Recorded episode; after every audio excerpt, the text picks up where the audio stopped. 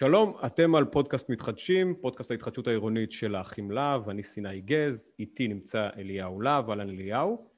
היי סיני, שמח להיות פה שוב. מעולה, וגם אני שמח שאתה כאן, ונמצא איתנו עורך דין אלעד דני, אה, עורך דין אה, בתחום הנדל"ן, שלום אלעד. טוב, נעים מאוד, טוב. בוקר מצוין, והיום אנחנו נדבר בעצם על האספקט, על הזווית החוקית אה, של התחדשות עירונית ותמ"א 38.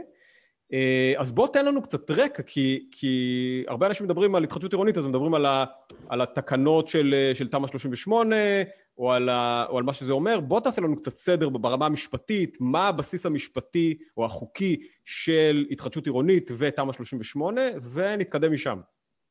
אוקיי, okay, אז uh, אני אתחיל קודם כל uh, ואומר שזה, אפשר להגיד שזה הדבר הכי חם היום, זה התחדשות עירונית, מהסיבה שעברנו כרגע, אפשר לומר מלחמה, ועניין של ממ"ד זה נהיה דבר שכולם מדברים עליו בכל מקום, איזה דירה יש ממ"ד, איזה בניין יש ממ"ד, ומי שיש לו באמת במלחמה ממ"ד בדירה, אז הוא הרגיש כמה שזה נוח, כמה שזה בטוח, ובטוח היום שווה המון כסף.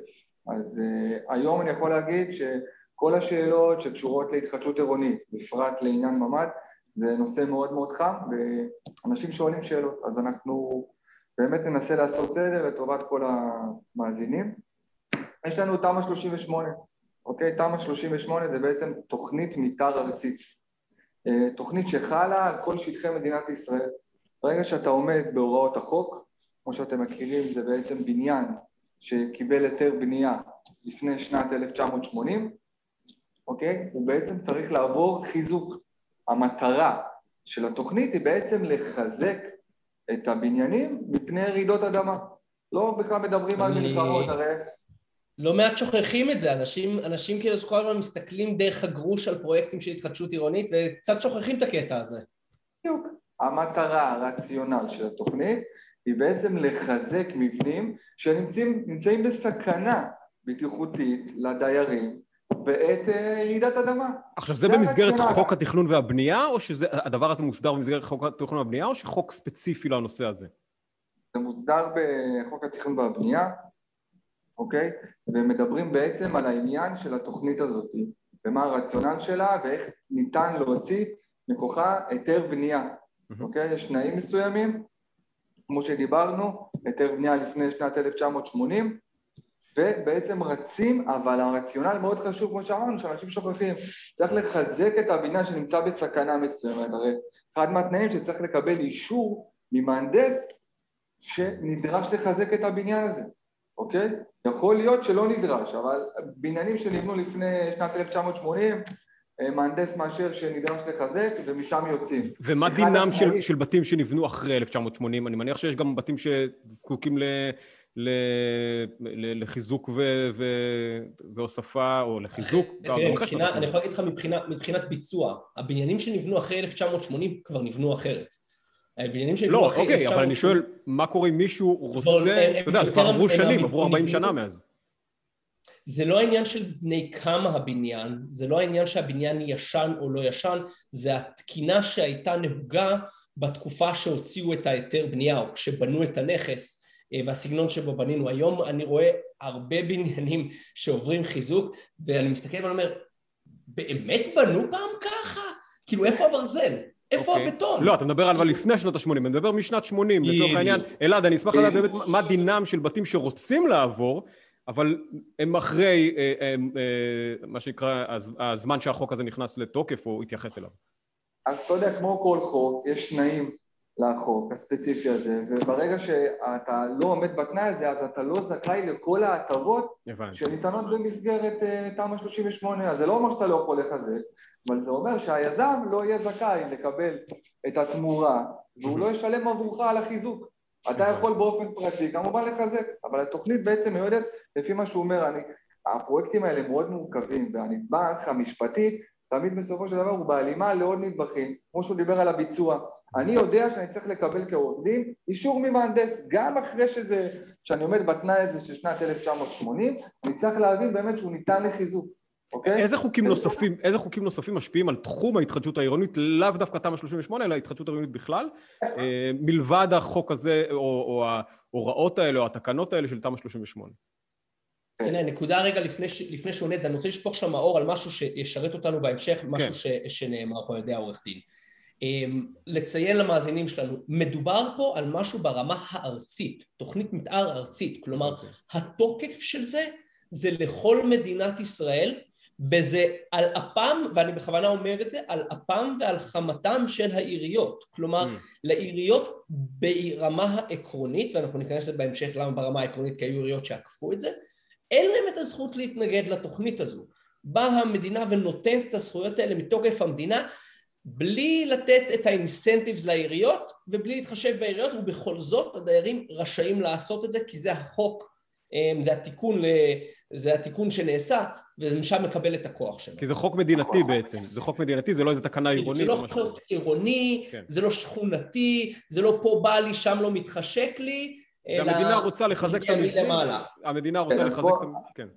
בדיוק, אז אני אחדד את מה שאתה אומר, אליהו, זה ממש ממש נכון, הרי כדי להבין מה זה אומר תוכנית מתאר ארצית, מה זה ברמה ארצית, הרי שהיום יזם רוצה, יש נגיד קרקע, והוא אומר על הקרקע הזאת אני רוצה לבנות שלושה מגדלים. הוא בסופו של דבר צריך לקבל את האישור של הוועדה המקומית או של הוועדה המחוזית. הוועדה המחוזית או הוועדה המקומית, אלה הגופים בעצם שנותנים לו את הזכויות בנייה, הם יכולים להגיד אתה יכול לבנות שלושה מגדלים בני עשר קומות או אתה יכול לבנות שלושה מגדלים בני עשרים קומות אז מה זה אומר? שהם שולטים בזכויות בנייה. כמובן שהם כפופים לתוכניות ארציות והכל אבל ההגבלה שלהם היא מאוד מאוד אה, מינורית. אבל ברגע שיש לך תוכנית מתאר ארצית שאומרת הזכויות בנייה ניתנות בהתאם לתנאי החוק זאת אומרת אם עכשיו יזם בא לפרויקט תמ"א, אומר אני יכול לקבל שניים וחצי קומות הם חייבים כמובן, בכפוף לכל התנאים של היתר הבנייה, להוציא לו היתר בנייה. אז העיריות מה שהן עושות, הרשויות, ועדות תכנון ובנייה, הן מקשות בדרכים באמת אחרות, מטלות ציבוריות, עניין של חנייה, גודל מגרש, ועניין של מעלית, כן אפשר לבנות פיר מעלית, אי אפשר לבנות פיר מעלית, מה קורה עם החניות, ובסופו של דבר ההתנגדות היא בדרך כלל חוקית. גם אם היא לא חוקית, מה שנקרא, הם יודעים לכופף את זה כדי להקשות. מה זה אומר להקשות? יש יזמי תמ"א שתקועים במסלול היתרי בנייה שנים על גבי שנים. שנים על גבי שנים. עכשיו, תבין, דווקא בנקודה הזאת אומרים פה... כן, אליהו. להמשיך את הרציונל של העיריות, הרי העיריות אומרות, אנחנו רוצים לחדש באמת את אה, מרכזי הערים או את השכונות החלשות, זה באמת האינטרס שלנו, אבל אנחנו לא רוצים שזה יהיה נקודתי. אנחנו לא רוצים לשים סיכה, אנחנו רוצים בעצם לפתוח את כל האזור, ובגלל זה הכיוון הוא ללכת למתחמים. מתחמים זה בעצם, אנחנו מגיעים לפינוי בינוי. זה... עכשיו, עכשיו שנייה, באמת... להוסיף על זה עוד נדבך. כן. להוסיף על זה איזושהי שכבה, זה באמת אחת מההתנגדויות של העיריות מגיעה בעובדה הזו שהם רוצים באמת שיהיה מתחמים ולא איזושהי התחדשות מקומית. נקודה נוספת, ואני רוצה לפוצץ פה בועה לאנשים, אה, ארנונה מגורים לא מכסה את העלויות של העיר. כשאתה בתור תושב משלם ארנונה אה, לעירייה, זה לא מכסה את כל ההוצאות שלך. קח לדוגמה זוג צעיר. בערך שליש, אם אני לא טועה, נכון? זוג צעיר צריך טיפות חלב, גני משחקים, גני ילדים, בתי, בתי ספר, פארקים, וזה לא מכסה את זה. מתנ"ס, מה מכסה את הדבר הזה? זה מסחר. עכשיו באה העירייה ואומרת, אתם באים פה, עושים פרויקט, מוסיפים פה דירות, מוסיפים תושבים, אנחנו לא מקבלים היטלי השבחה על זה, יש פטור מלא ממיסוי, והם לא עוזרים לנו בכל התשתיות, כלומר לא רק התשתיות ביוב, חשמל, אינסטלציה וכולי, אלא תשתיות, כלומר אם בפרויקט פינוי בינוי אנחנו מוסיפים גני ילדים, בפרויקטים של תמ"א זה פשוט לא קורה. אז יש לנו כאן איזושהי בעיה מאוד קשה. אמ, יש לנו מצד אחד את הרצון לחדש מרכזי ערים, מצד שני קשה להגדיר מתחמים במרכזי ערים, לך תבוא למרכז ירושלים או מרכז תל אביב ותנסה לתפוס שם ארבע דונם, כן. זה, זה, זה קשוח, אז הם קצת נמצאים פה בין הפטיש לסדן. וגם אם אני, אם אני לא טועה, גם הארנונה היא מוגבלת תחת צו של שר הפנים, זאת אומרת, הם לא יכולים לגבות יותר ארנונה מרף מסוים, אם אני לא טועה, נכון? זאת אומרת, אז הם לא באמת... אחדד, אני אחדד מה, כמו שאתם אוהבים, ההיבט החוקי, את העניין של כן. הארנונה. אה, לכל רשות יש צו ארנונה. צו ארנונה בעצם, וכמובן בכפוף לאישור משרד הפנים, יש צו ארנונה שאומר בכל אזור ברשות כמה ארנונה אפשר לשלם. מה שאליהו אומר, וזה מדויק, הארנונה למגורים זה נקודת המוצא, שזה הפסדי לרשות. כל עירייה מפסידה על כל יחידת אה, מגורים. מפסידה כסף, זה נע בין 5,000 אה, ל-10,000 שקל ליחידת דיור. זה אני יודע מ... המועצה, המועצה הכי רווחית בארץ זה איפשהו שם בנגב שאין להם תושבים, איך קוראים להם? איפה שיש את כל המכרות אה, כימיקלים. רמת חובב. אולי. רגע, רגע, אלעד, אתה מדבר על, על בעצם 5,000 שקל בשנה לתושב? מה זה? אתה מדבר כן. על 5,000 שקל הפסד כן. בשנה לתושב? זה, זה, מאיפה הנתון הזה? זה נתונים של אה, מפקחים, של בנייה, מהנדסים. זה הערכות כאלה שמסתובבות בשוק, אני מבין. כן, הערכות, למה זה מגיע? כי מה שקורה היום, נכון ליום זה, בכל ועדת תכנון ובנייה, אישרו לך לפני, נגיד החלטת ועדה או פרה-רולינג, אישרו לך לבנות 500 יחידות דיור, היום מנסים להוריד את היחידות דיור, זה מה שמנסים לעשות, אומרים תוריד, אנחנו רוצים להגיע ל-400, אתה לא תקבל 500, למה? הם ממש אומרים שהם מפסידים המון המון כסף, מנסים להגיע למסחר, לתעסוקה, לעשות אה, אה, עכשיו אני רוצה לחזור... שימושים. עכשיו אני רוצה לחזור דווקא בנקודה הזאת לשאלה הראשונית שלי, כי התחלנו לדבר על חוק אה, התכנון והבנייה, ויש גם את חוק המקרקעין, נכון? ויש כל מיני, המון המון חקיקות או שינויי חקיקה, הוראות ותקנות שלמעשה יוצרות איזה סבך משפטי, גם דיברנו על הארנונה פה, שיוצרות איזה סבך משפטי מאוד מאוד בעייתי. האם אתה חושב קודם כל אני אשמח לדעת אם אתה חושב שזה סבך משפטי שמייצר יותר בעיות מפתרונות והאם אתה חושב שצריך לייצר איזו חקיקה ראשית אה, לעניות דעתך של התחדשות עירונית.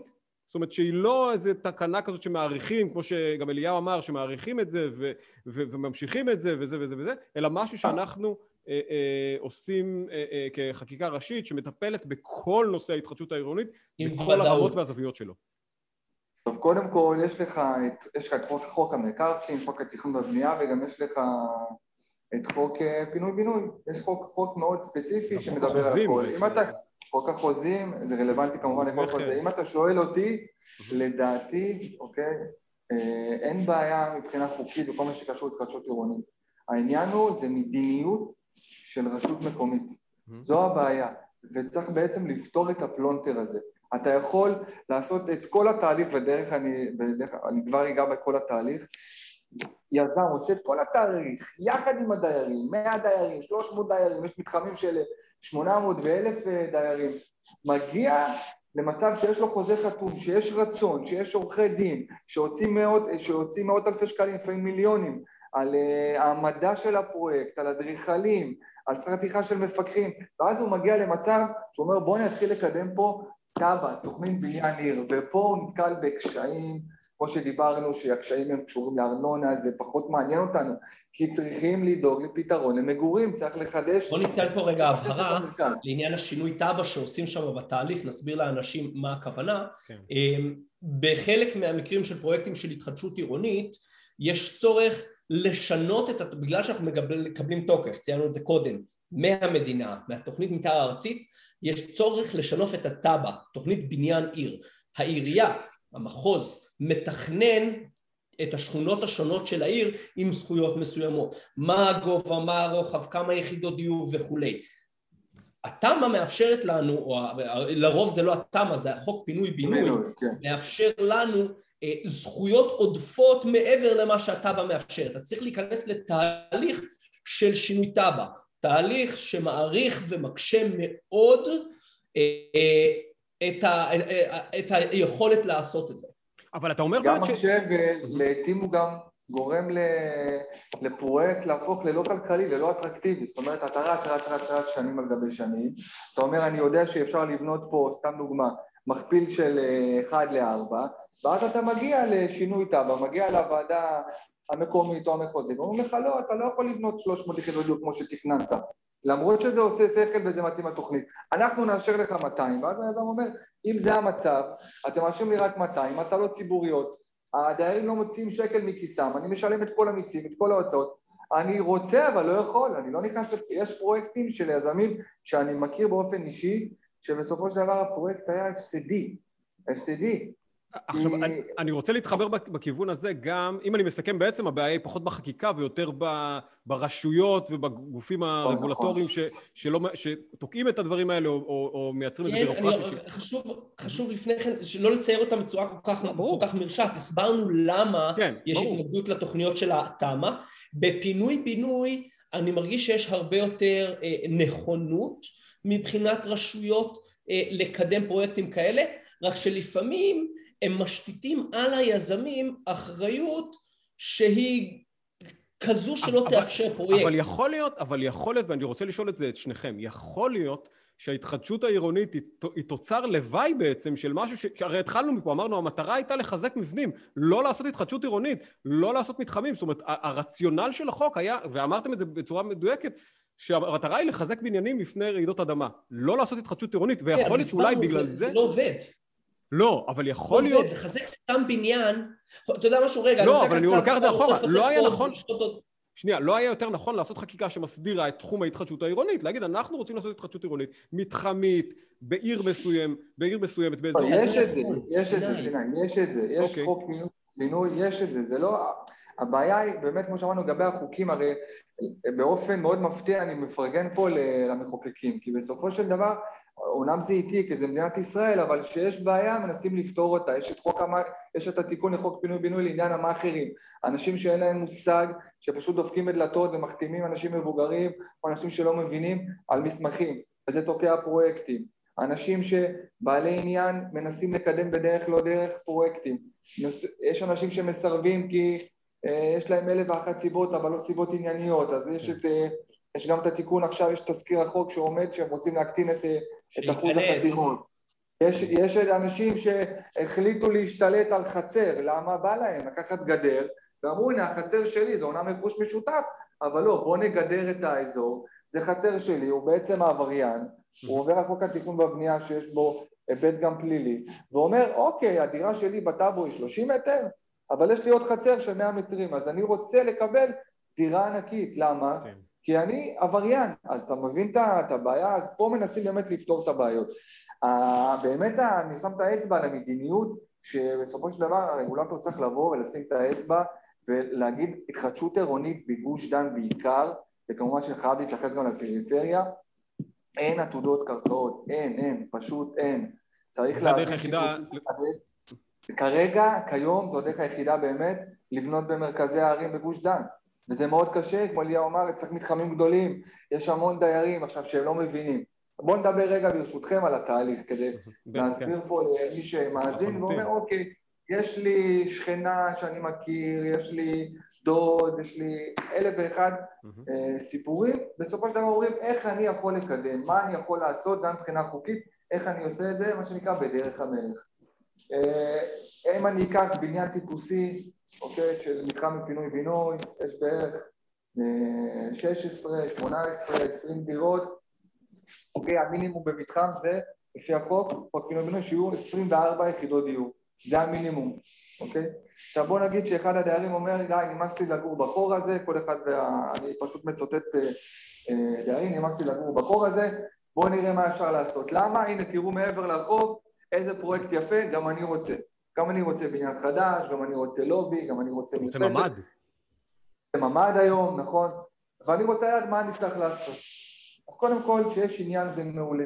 אה, אני יכול להגיד לך בצורה הכי ברורה שיש, יהיה 60-70 אחוז שרוצים, גם כ- כ- כתפיסה, כהסכמה עקרונית מה שנקרא, ו-30 אחוז יגידו, עזוב אותי, לא מעניין אותי, תעזבו אותי. אני בפינה שלי טוב לי, כל אחד והסיפור שלו.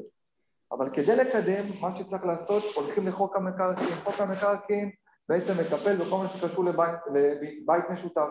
אתה חי יחד עם עוד דיירים, צריך לקבל החלטות. אתה מכנס אספת דיירים, אוקיי? על פי החוק, מודיע להם ארבעה ימים לפני לפחות, עולה שלטים בבניין, רושם בשלט אה, את כל הנושאים שיהיו, בגדול מה כתוב? בשלט אנחנו רוצים לבדוק אופציות להתחדשות עירונית לפינוי-בינוי ולמנות נציגות, אני כבר אגיע לזה. אתה צריך שהמניין החוקי יהיה לפחות 50% מהדיירים כדי שההחלטות יקבלו תוקף. הגיעו מעל 50%, באתם, דיברתם, אמרתם יש לנו רצון לקדם פה פינוי-בינוי, אנחנו רוצים למנות, למנות נציגות, שיהיו שלושה ארבעה דיירים שאנחנו מאוד מאוד סומכים עליהם שהם דומיננטיים ושהם יעזרו לקדם את זה. מה זה אומר לקדם את זה? לעבוד מול העורך דין שהם יבחרו, לעבוד מול המפקח, לעבוד מול האדריכל, לעבוד מול כל הגורמים שבעצם יכולים לקדם את הפרויקט וגם בעתיד לבחור יזם. מינוי נציגות, אוקיי? יש לי בעצם מינוי נציגות, שלושה אנשים שהולכים ומקדמים את הפרויקט, הם תמיד תמיד מתחילים בבחירת עורך דין, אוקיי? יש, יש נציגות רצינית שמה שהיא עושה, היא אה, קובעת פגישות עם כמה עורכי דין כדי לשמוע, שלושה, ארבעה, חמישה עורכי דין, כל אחד מספר על היכולות שלו, על הפרויקטים שהוא מלווה, אומר את האני מאמין שלו, והנציגות מגיעה להחלטה, בחרו עורך דין. מהשלב הזה יש כמה אופציות, יש עורכי דין שמאמינים במכרז יזמים, שמציעים את הפרויקט הזה ליזמים. רגע, אני קופץ ומתפרץ, בחירת מפקח. באיזה שלב אתה ממליץ באמת, אלעד? בתמ"א 38, בחירת מפקח זה ביחד עם אה, עורך דין, כי כמו שדיברנו על זה... בתחילת התהליך. כן, בתחילת הדרך, כי בתמ"א 38, כבר כשאתה חותם על הסכם אתה יודע איך הפרויקט הזה ייראה, יש לך מפרט טכני, יש לך תוכניות, זה שונה לגמרי מפינוי-בינוי שהכל הוא רעיוני, כן. וכרגע המפקח הוא פחות דומיננטי. אם אני אדבר רגע על המפקח, אני אפתח סוגריים, בתמ"א 38 התפקיד של המפקח הוא יותר חשוב מהתפקיד של העורך דין, אני אומר את זה בצורה מאוד מאוד ברורה. וואו, יש לנו כותרת. כן, כי אני יכול לשמור מבחינה חוקית, מבחינה משפטית, מבחינה חוזית על הדיירים, אבל אין לי שליטה בבנייה. מסכים איתי? אין לי שליטה בבנייה. אני יכול לפתוח תוכנית, אני מבין, אני יודע לקרוא תוכנית, אני לא אדריכל, אני לא מפקח. מפקח יודע להסתכל ולהגיד, תקשיב, היום אני יכול להגיד לכם שהחדר זבל הוא ממש קטן, שהגרם מדרגות יצטרכו כנראה לשבור, אז מה שמתכננים, רוב הסיכויים שלא יצא לפועל, וגם אם יצא לפועל, יצטרכו להקטין את הפיר של המעלית. אז רק בוא, ברשותך, פה... ברשותך בוא נסיים את התהליך, אחרי, אחרי שהגענו ליזם, למעשה זהו, זה כבר השלב שבו התהליך... לא, לא, לא זה, עדיין. זה, זה, זה ממש תחילת הדרך, כי אתה בוחר את היזם, העורך דין בעצם יחד עם הנציגות מגיעים לפגישות עם יזמים, שומעים באמת על פרויקטים שמלווים, מבינים את, ה, את החוזק אז... הפיננסי של היזם, בוחרים יזם, רצים להסכם פינוי-בינוי, ומשם התפקיד של היזם הוא הדומיננטי, העורך דין שומר על הדיירים. כמובן שיש את התמורה שהיא הכי חשובה מבחינת הדיירים, כמה תוספת, 12 מטר, 25 מטר, מרפסת, מחסן. היום לפי ההמלצה של, של הרשות להתחדשות עירונית, נותנים 12 מטר הרחבה, שזה הממ"ד, mm-hmm. מרפסת 12 מטר, חנייה, ואם בונים, אם יש אפשרות מבחינת התכנון לבנות אה, מחסנים, אז גם הדיירים מקבלים מחסנים. עכשיו הייתי שמח לשמוע מאליהו איך, אה, איך מתבצע הממשק הזה בינך לבין העורכי דין, וגם אחרי זה את אלעד, איך, איך, עובד, איך, איך מתבצעת העבודה בינך לבין המפקח, ומה התרומה של אחד לשני, ו, ומה גם הסמכויות והאחריות. אני אעשה כמו שאלעד עשה, אני אעשה את ההפרדה בין פרויקטים של תמ"א לפרויקטים של פינוי-בינוי. Okay. אוקיי. בפרויקט של תמ"א אנחנו באמת כבר בשלב הראשוני אם לפני או מיד אחרי בחירת היזם, הרבה לפני חתימת החוזה, אנחנו ממש נכנסים לקרביים של התוכנית, לקרביים של הפרויקט, אנחנו ממש מתכננים את הבניין, אני נכנס לעבודה מאוד אינטנסיבית של הסבר מול הדיירים, להבין ממש כל פסיק וכל נקודה איפה תהיה, וכשזה מוכן, מתקדמים לחתימות, כמובן עבודה על מפרט טכני, תמורות. ואיך העבודה מול העורך דין באמת? וזה, וזה הכל נעשה בתיאום מול העורך דין, okay. אוקיי. הנספח של המפרט הטכני נכנס לחוזה, התוכניות נכנסות כנספח לחוזה, mm-hmm. כל הדברים עובדים יחד עם... זה מחייב משפטית בעצם, זה מחייב אותך, זה משהו... בפינוי-בינוי, בפינוי-בינוי יש הרבה מהאלמנטים האלה, ולכן גם מאוד חשוב, ואני רואה את זה קורה לצערי יותר מדי, שמכניסים את המפקח אחרי, ואני אומר, חבר'ה, הייתי יכול לעזור בזה. אם הייתם לוקחים אותי בזמן. כן. כשהמפרט הטכני נכתב ואני לא הייתי חלק ממנו, ההבדל בתמורות יכול להיות מאות אלפי שקלים עבור כל דירה. שנכתב ונכנס לחוזה קבלניות, בעצם. שהוא כבר סליחה? מסמך מחייב, שהוא כבר מסמך מחייב. שזה... נכון, מה שקורה זה הרבה חברות קבלניות, יזמיות, הן חברות גדולות שפועלות בכלל הארץ, והם בעצם נותנים את המפרט שהם, אה, שהם רגילים אליהם כן. בפרויקטים של פינוי-בינוי, אומרים, מה שונה כאן? זה פרויקט בנייה, אנחנו יודעים לבנות, נרים בניין, ניתן את המפרט הרגיל. לא ולא. לא מדובר כאן על מקרה אה, של קניית דירה מקבלן, מדובר פה על אנשים שחיו חיים מלאים בדירה שלהם, הכל היה להם.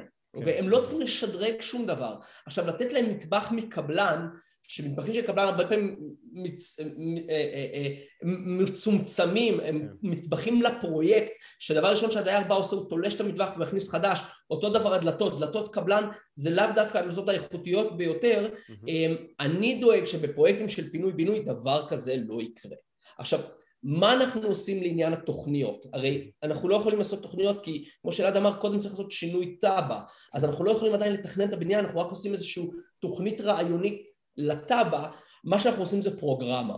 אנחנו בונים איזושהי תפיסה רעיונית של הדיירים, של העקרונות שחשובים להם, אם זה עקרונות של חניות אופניים, נגישות, אה, חדר, אה, אה, חדר אירועים או חדר כושר, מעלית שבת, לא מעלית שבת, מה הם ירצו לראות בגדול, לא ספציפית כן, איפה ברור. הדברים יהיו, אלא יותר בכיוון של איך ייראה הפרויקט, ורק בהמשך כשמגיע שלב התכנון אני נכנס ונותן את האינפוט שלי על התוכניות כמובן בחוזה משאיר לעצמי את המקום הזה להיות מסוגל לעשות דבר כזה מה שקורה, אז המקרים שקורים, שזה שמגיעים אליי ואומרים לי, אמ, אליהו, אנחנו רוצים שיהיה ככה וככה בפרויקט. אני אומר, חבר'ה, אני לא יכול, אתם חתומים על המפרט שנתן לכם הקבלן.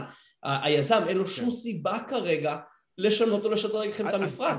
איפה הייתם? למה לא הבאתם אותי קודם? אז בוא באמת, אנחנו מתקרבים ממש לסיום, אז אלעד, באמת אני אשמח לשמוע ממך ככה באמת במשפט את העבודה מול המפקח, זאת אומרת, כמה האינטראקציה הזאת באמת אה, מפרה אחד את השני. אמ, ובסוף אני רוצה שאלה ככה לשניכם בנושא התמ"א 38, השינוי התקנות, לאן זה הולך וכו'. אז אלעד, באמת איך העבודה מול המפקחים מתבצעת? אז אני גם אעשה את ההפרדה הזאת, כמו שאמרתי בתחילת אה, דבריי. התפקיד של המפקח הוא סופר סופר קריטי, ובשני הפרויקטים זה ברור. העניין הוא של ההפרדה זה שכמו שאמרנו, בתמ"א 38 אז מצרפים את הכל להסכם. עכשיו, בתור עורך דין, אני אוהב, וזה מאוד מאוד חשוב, לתת מקום למפקח, כמו שאליהו אמר, גם לגבי הערות משפטיות, חוזיות, בהסכם. כי אם לא יהיה סעיף שידבר על כך שיש לו השפעה ויש לו את היכולת לסרב לתוכנית שהוצגה על ידי היזם, אז לא עשינו בזה שום דבר. Mm-hmm. עכשיו, אני חייב לשים את האצבע על אה, נקודה סופר קריטית לדיירים. דיירים אומרים מה אני מקבל. עכשיו, אתה בתור עורך דין, אני בתור עורך דין לא, לא יכול להגיד להם באמת מה הם מקבלים, אני יכול להגיד להם מה היזם מתחייב וזה כפוף לאילוצים תכנוניים. ואני תמיד חוזר על המנטרה הזאת, למרות שדיירים לא אוהבים לשמוע את זה. אני לא אוהב לספר סיפורים, ובטח לא למכור דברים שאני לא יכול לעמוד, אה, אני גם לא יזם. אני אומר שבסופו של דבר אנחנו יכולים להגיד איך אנחנו מגבילים את היזם, אוקיי, לתמורה שלנו. ופה המפקח עוזר לי להבין באמת ביחס לבדיקה של הזכויות, ביחס לפרוגרמה, ביחס לתוכניות, ביחס לזכויות בנייה, ביחס לשטח החלקה, מה הדיירים יוכלו לקבל, אוקיי? אז ברגע שאני יודע את זה, אני מתייעץ איתו עוד לפני שאני בוחר יזם, כדי להבין אם התמורה, עם הקאפ שלי, עם ההגבלה, עם ההגבלה שלי, זה באמת עושה שכל עם הדיירים. זאת אומרת, יכול להיות שיש לי מצב, שיש לי מתחם עם המון זכויות בנייה, ואת זה אני יכול לדעת בעזרה של אדריכל, בעזרה של מפקח, בעזרה של מהנדס, כל חברה נותנת את השירותים שלה, כמו חברה של אליהו, ובסופו של דבר הם עוזרים לי להבין איך אני ממקסם את התמורה עבור הדיירים. וזה משהו שהעורך דין, ככל שיהיה מוכשר, לא יודע לעשות. כל אדם והמקצוע שלו, אוקיי? וזה משהו מאוד מאוד חשוב. דיירים אוהבים ויש להם ביטחון שיש מפקח, שיש אדריכל, שמלווה את כל תהליך משא ומתן, מההתחלה ועד הסוף. כמובן שהעבודה בפינוי-בינוי היא הרבה יותר אה, בא לידי ביטוי כשיש תוכניות שהיזם מציע, הנה תקשיבו, זה התוכניות, בואו תחתמו. אוקיי. אבל אז... צריכים לדאוג שיהיה לנו אפשרות באמת להקשות על היזם. אוקיי, אז אנחנו באמת ממש ממש לקראת סיום, באמת במשפט כל אחד, אה, מה הולך לקרות עם תמ"א 38 להערכתכם? האם אנחנו הולכים לראות אה, חקיקה או חידוש שלה או עדכון שלה? אז קודם כל נתחיל מאלעד, מה אתה חושב שהולך לקרות בתחום הזה? אז אני, קודם כל, כמו שאתה... אבל באמת במשפט, כי אין לנו המון זמן. חלק מהמאזינים יודעים, תמ"א 38 אמורה להסתיים, כל ההטבות, כל הפרויקטים האלה, עד אוקטובר 20... 2022, להערכתי יאריכו, אה, אני מאמין שזה יהיה בשיטה, ישראלית, יאריכו יאריכו עד שימצאו פתרון הרבה יותר טוב, ואני מאמין שימצאו פתרון הרבה יותר טוב. ללו, מה אתה חושב, אליהו? סליחה, אתה... כן, אליהו. אני נוטה, אני, אני נוטה להסכים עם אלעד. אמ, כרגע כשאין ממשלה מתפקדת, אין קרקעות שמשווקות, גם ככה במחסור של דירות, אף אחד לא יבוא ויפרק איזושהי תוכנית שהיום היא 15% מהדירות החדשות. עם זאת, אני חושב שהתשובה שה, היא קצת צמודה למחיר הביטקוין. כלומר, no one knows. הבנתי, אף אחד לא יודע. יעלה, ירד. ואנחנו נגיד משהו מאוד מאוד חשוב, המלחמה שעברנו לפני, לפני כמה ימים, מאוד תשפיע על, התשובה שלנו. אוקיי, תודה רבה לשניכם, היה מעניין ו- ומרתק, ושיהיה יום מצוין, ותודה שהתארחת אצלנו, אלעד. תודה לכולם.